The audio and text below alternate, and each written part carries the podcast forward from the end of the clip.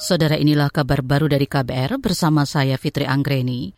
Presiden Joko Widodo menegaskan pemerintah bertekad menuntaskan 12 peristiwa pelanggaran hak asasi manusia HAM berat. Penuntasannya menurut Jokowi berdasarkan rekomendasi dari tim penyelesaian non-yudisial pelanggaran hak asasi manusia yang berat atau tim PPHAM. Pemerintah memiliki niat yang tulus atas rekomendasi dari PPHAM untuk menyelesaikan pelanggaran hak asasi manusia berat di negara kita Indonesia. Dan kepada para korban atau ahli waris korban, saya mengucapkan terima kasih atas kebesaran hati Bapak, Ibu, dan saudara-saudara sekalian untuk menerima proses ini setelah melalui penantian yang sangat panjang.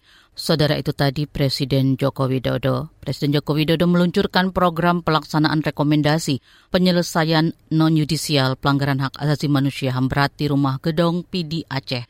Sebelumnya Presiden Jokowi mengakui adanya 12 pelanggaran HAM berat yang terjadi di masa lalu, antara lain pembunuhan massal 1965, peristiwa Talang Sari Lampung 1989, peristiwa penghilangan orang secara paksa 1997-1998, peristiwa Rumah Gedong Aceh 1998, dan kerusuhan Mei 1998. Kita ke informasi berikutnya, Saudara. Pemerintah Kota Solo memberi izin penggunaan halaman Balai Kota untuk digunakan sebagai lokasi salat Hari Raya Idul Adha pada Rabu besok dan juga Kamis lusa. Selengkapnya bersama jurnalis KBR Yuda Satriawan langsung dari Solo, Jawa Tengah. Pemerintah Kota Solo memfasilitasi halaman Balai Kota Solo agar bisa digunakan untuk sholat Idul Adha bagi masyarakat. Wali Kota Solo Gibran Raka Buming Raka mempersilahkan warga masyarakat untuk menggunakan fasilitas tersebut baik versi 28 Juni dari Muhammadiyah maupun tanggal 29 Juni dari versi pemerintah. Menurut Gibran, perbedaan waktu Idul Adha tersebut tidak perlu dipermasalahkan. Pokoknya kemarin udah saya instruksikan ke Pak Sekda yang pengen sholat hari Rabu kita fasilitasi tidak masalah. Ya Rabu boleh Kamis boleh ya.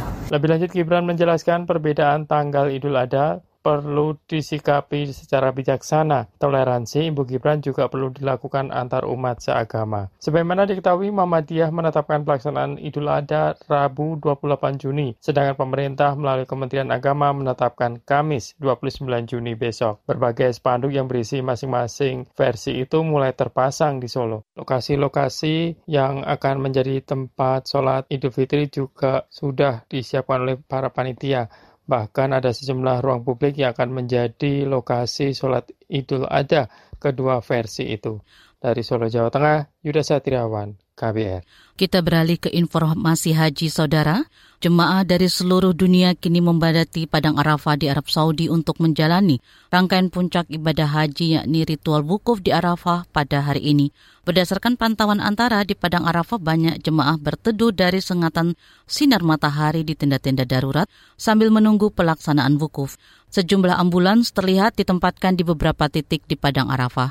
Beberapa helikopter juga berlalu lalang di atas Masjid Namirah untuk memantau pergerakan jemaah. Wukuf dilakukan sejak matahari sudah tergelincir atau bergeser dari tengah hari atau pukul 12 waktu setempat atau hingga masuk waktu maghrib. Khutbah wukuf Arafah akan berlangsung pada pukul 12.30 waktu Arab Saudi atau 16.30 waktu Indonesia Barat. Untuk musim haji tahun ini, khutbah wukuf Arafah akan diterjemahkan ke dalam 20 bahasa, antara lain Inggris, Prancis, Jerman, Spanyol, Indonesia, Bengali, Melayu, Turki, Rusia, Cina, Persia, Tamil, Filipina, dan sebagainya. Demikian saudara, kabar baru dari KBR saya Fitri Anggreni, salam.